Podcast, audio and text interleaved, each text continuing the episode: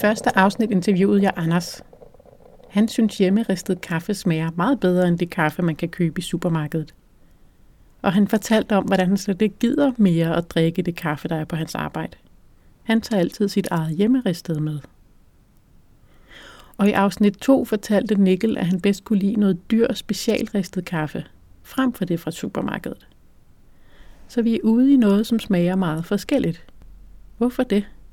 Hvad gør forskellen? Det kigger vi nærmere på i dette afsnit, som handler om forskellene i kaffemarkedet. Du lytter til podcasten Smagen af kaffe.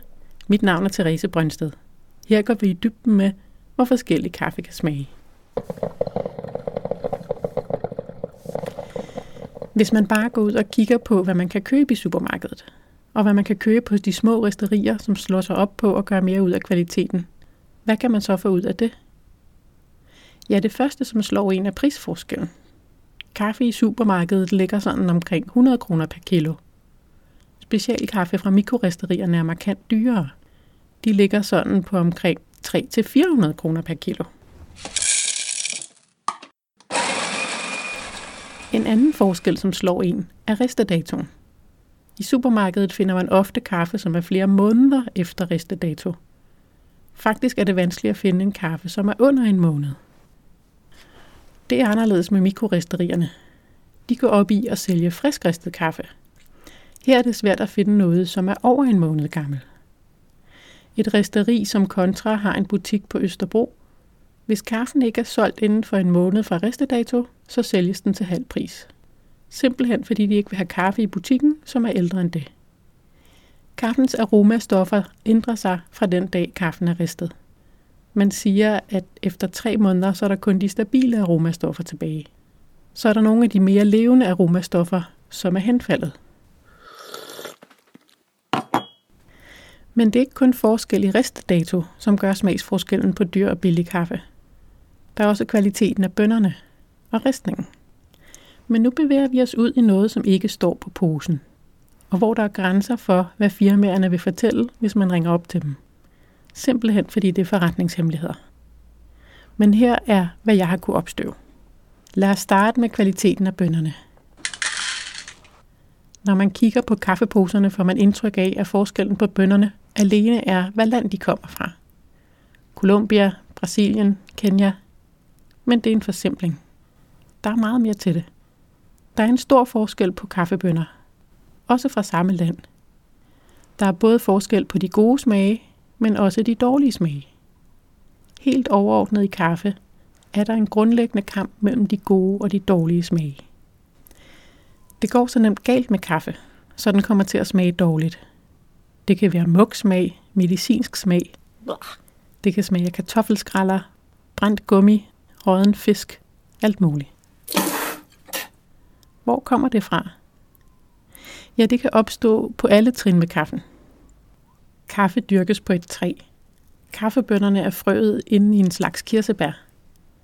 Frugtkødet sidder godt fast, og helt tæt om kernen er der en skal. Så det er en længere proces at fjerne det.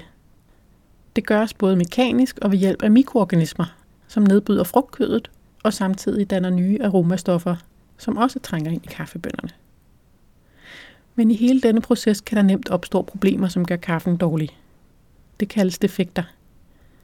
Det kan være insektangreb i marken, det kan ske under fermenteringen. Defekter er ret almindelige i kaffe. Derfor har man et begreb, som hedder a clean cup. Det betyder, at den kaffe, man har i koppen, ikke har nogen fejlsmag. At kaffen har en ren smag. Hvis man laver en mærkevarekaffe, frygter man naturligvis dårlig smag i kaffen, så kunderne ikke vil købe ens kaffe igen. De store kaffeimportører lægger meget arbejde i at smage på kaffen og klassificere den efter, om der er defekter i. Når kaffen sælges videre til resterierne, er der en tæt sammenhæng mellem pris og kvalitet. Det betyder, at der findes meget billig kaffe af ringe kvalitet på verdensmarkedet. Og som bekendt betyder billig ret meget for, hvilke varer der findes på hylderne i supermarkedet. Hvis danskerne altid går efter det billigste, ja, så er det, hvad der findes på hylderne. I afsnit 1 og 2 fortalte Anders og Nikkel om det kaffe, de bedre kunne lide frem for supermarkedskaffe. Det hedder speciality kaffe, og her gøres mere ud af kvaliteten. På verdensplan er det omkring 3% af kaffen. Her lægges ekstra arbejde i at undgå defekterne, men ikke kun det. Der går så også meget ud af at få udviklet de gode smage i kaffen. Det gøres ved kun at plukke de modne bær på kaffetræet, og være omhyggelig med, hvordan frugtkødet fjernes og bønderne tørres. Det ligger der meget ekstra arbejde i for kaffebunden. Så det kan kun lade sig gøre, hvis der er nogen, som vil betale mere for kaffen. Langt den største del af kaffemarkedet er en skrabet kvalitet. Kaffebunden får betaling efter verdensmarkedspriser, som fastsættes efter udbud og efterspørgsel på børsen i New York. De svinger, men ligger sådan omkring 1 dollars per pund. Det svarer til 15 kroner per kilo cirka. Det er prisen for de grønne bønner, som er tørret ned til lagerstabilitet. Når man har høstet 100 kilo kaffebær, og så har et stort arbejde med at fjerne frugtkødet og tørre bønnerne, så får man et sted mellem 12 og 20 kilo bønner ud af det, som kan eksporteres. Forestil dig at plukke 5 kilo bær, og så få 1 kilo bønner ud af det, som du så får 15 kroner for. Så er der bare ikke råd til at gøre mere ud af produktionen end højst nødvendigt. Inden for specialty kaffe betaler man mere for bønderne. Mindst det dobbelte. Det kan også være syv gange så meget. Men når du køber en billig kaffe, så er det stensikkert, at kvaliteten af bønderne også er lav.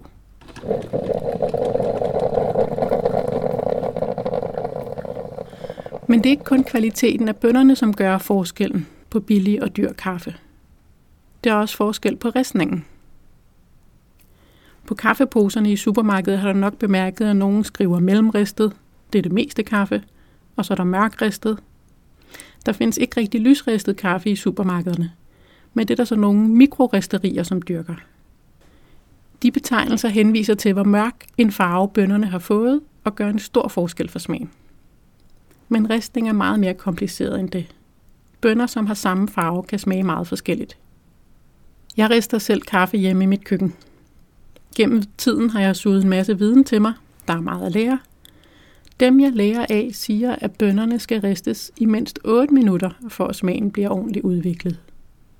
Man kalder det slow roast, altså langsom ristning, hvor kaffen ristes sådan i området fra 8 til 20 minutter. Grunden til, at man kalder det slow roast, er fordi det er i modsætning til industrikaffe, som ristes hurtigere – men hvordan kan det være, at industrikaffe ristes så hurtigt, hvis nu smagen er bedre ved slow roast? Det gik jeg i gang med at undersøge til det her afsnit.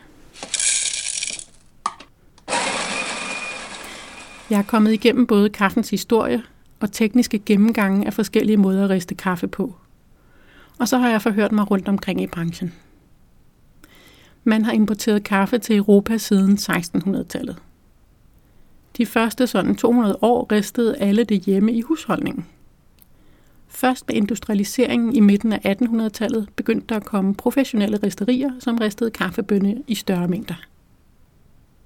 Og lige siden har der været en diskussion om, hvordan kaffen ristes bedst. Sideløbende med, at der har været en teknisk udvikling i risteudstyret. En amerikansk fagbog fra 1922 fortæller om, hvordan man startede med at fyre med kul under trumlen, hvor kaffen blev ristet. Dengang tog det 25-30 minutter. Det er vildt lang tid. Smagen bliver flad, hvis ristningen tager så lang tid. Nå, men omkring år 1900 begyndte man at fyre med gas, og så kunne man riste hurtigere. Det betød, at man nu kunne riste på 10-17 minutter. En nyere teknisk gennemgang af den industrielle kafferistning fortæller om, hvordan man i 1960'erne fandt ud af, at hvis man tog en kaffe, som havde en dårlig smag, så smagte den bedre, hvis den kun blev ristet på to minutter. Aha, så man kan få dårlig kvalitet til at smage bedre ved at riste den hurtigt. Så det kan være en årsag til, at industrikaffe ristes hurtigere. Slow roast ved 8-20 minutter udvikler åbenbart ikke kun de gode smage i kaffebønnen, men også de dårlige. I 1970'erne kom fluid bed-risterne. Altså indtil da havde man varmet bønderne op, mens de drejer rundt inde i en trumle af jern. I en fluid bed rister danser bønderne i den varme luftstrøm, ligesom en hårdtør. Det kan riste bønderne meget hurtigt, helt ned til halvanden minut. Det kaldes HTST. Det står for High Temperature Short Time. Men det lader nu ikke til, at det bruges at riste på kun halvanden minut. Det er nok snart 2-4 minutter for de allerhurtigste. Der er nemlig problemer med at riste så hurtigt. Det er kun overfladen af bønderne, som bliver ordentligt ristet. Mens midten af bønderne ikke får nok. Varmen kan simpelthen ikke nå så hurtigt derind. Kaffe, som ikke er ristet nok, har en skarp syrlighed og en smag af hø eller pap. De smage kan man faktisk godt finde i en billig kaffe. Prøv at smage efter. Men der er også noget smart ved at riste hurtigt. Kaffen bliver mere drøg i brug.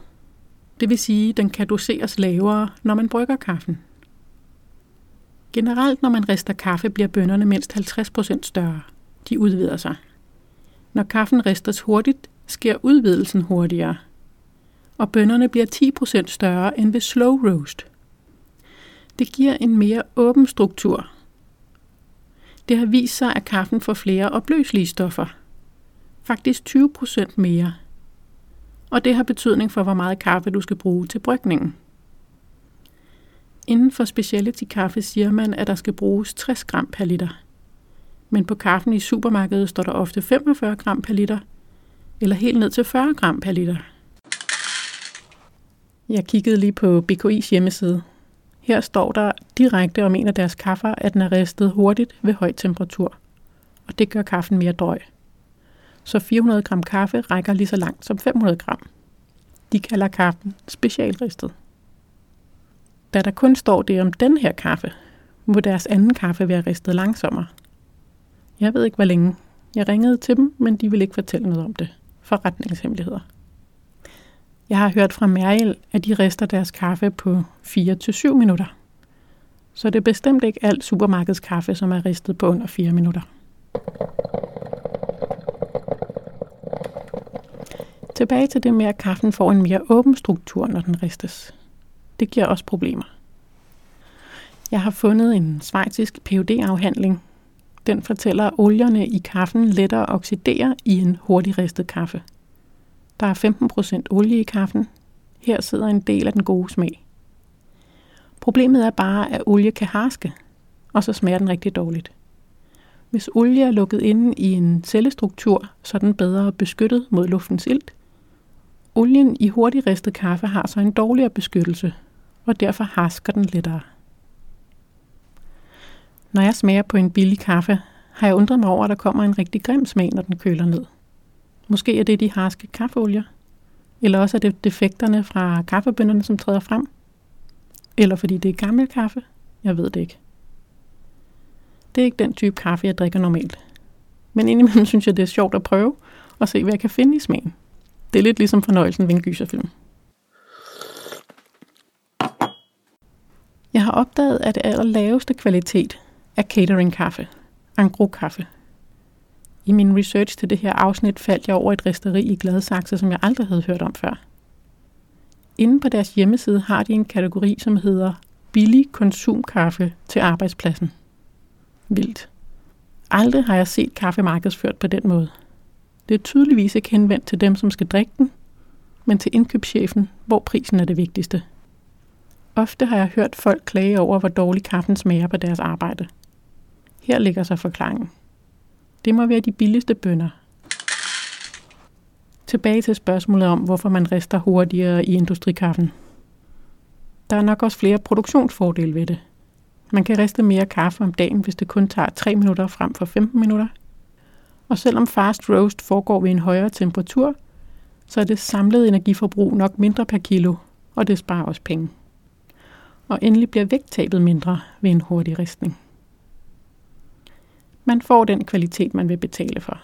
Og der er jo benhård kamp på pris.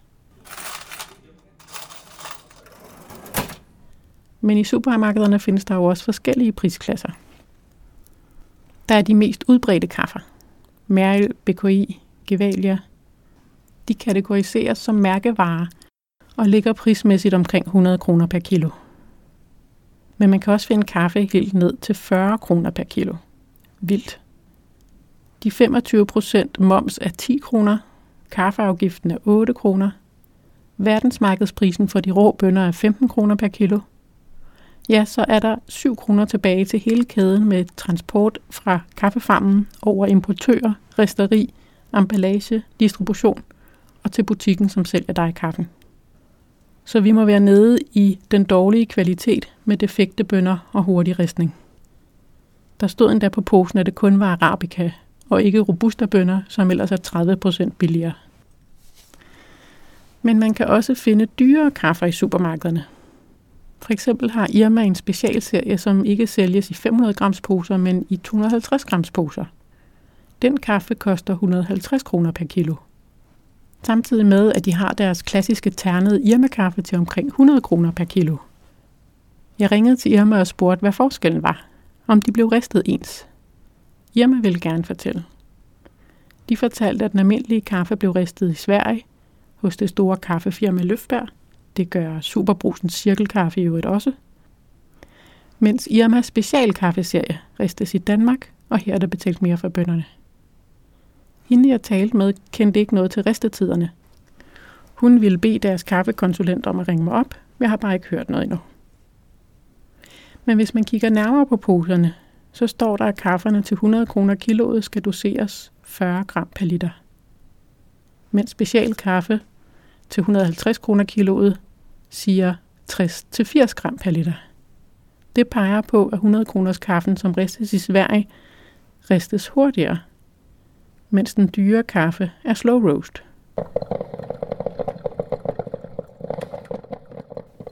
Nå, men uanset hvad jeg har fortalt om her, så er det kun, hvad du kan smage dig til. Du får først rigtig forståelsen for de her ting ved at smage dig frem. Køb to forskellige kaffer i dit supermarked. Fra to forskellige prisklasser, men ellers ikke markant forskellige. Og bryg dem så samtidig, så du kan smage dem over for hinanden. Sådan opbygger du dit indre smagslandkort over kaffe, så du kan orientere dig ud fra. I øvrigt talte jeg også med Irma om det med, at det er svært at finde kaffe i supermarkedet, som er mindre end en måned fra restedato. Og ofte er den flere måneder gammel. Irma fortalte, at det er et spørgsmål om distribution. Fra resteriet til deres centrallager, og så afventer den, at butikken bestiller hjem. Og så skyldes det, at der ikke er så stor omsætning på kaffe. Irma forsøgte faktisk for fem år siden at lancere fristristet kaffe fra Estate i deres butikker. Men den blev ikke solgt hurtigt nok, og så bliver kaffen jo nemt over en måned gammel. Nå, det er så langt vi når i det her afsnit. Der er meget mere at fortælle. Der er stof til mange flere podcast-afsnit om kaffe. Men det tager nu lang tid at lave et afsnit. Jeg bliver kun ved, hvis jeg får god respons. Så det er, hvad du kan bidrage med. Gerne inden, hvor du henter podcasten i iTunes. Her kan du skrive en review, eller bare give den fra 1 til 5 stjerner, og jo flere reviews en podcast har fået, jo mere synlig bliver den inde i iTunes. Du kan også komme med input til forberedelsen af nye afsnit inde på Facebook ved at søge efter podcast Smagen af kaffe. Og uden for Facebook kan du følge med på hjemmesiden smagefter.dk-kaffe. Mit navn er Therese Brøndsted. Nogle drikker kaffe for at klare sig gennem dagen, andre klarer sig gennem dagen for at drikke god kaffe.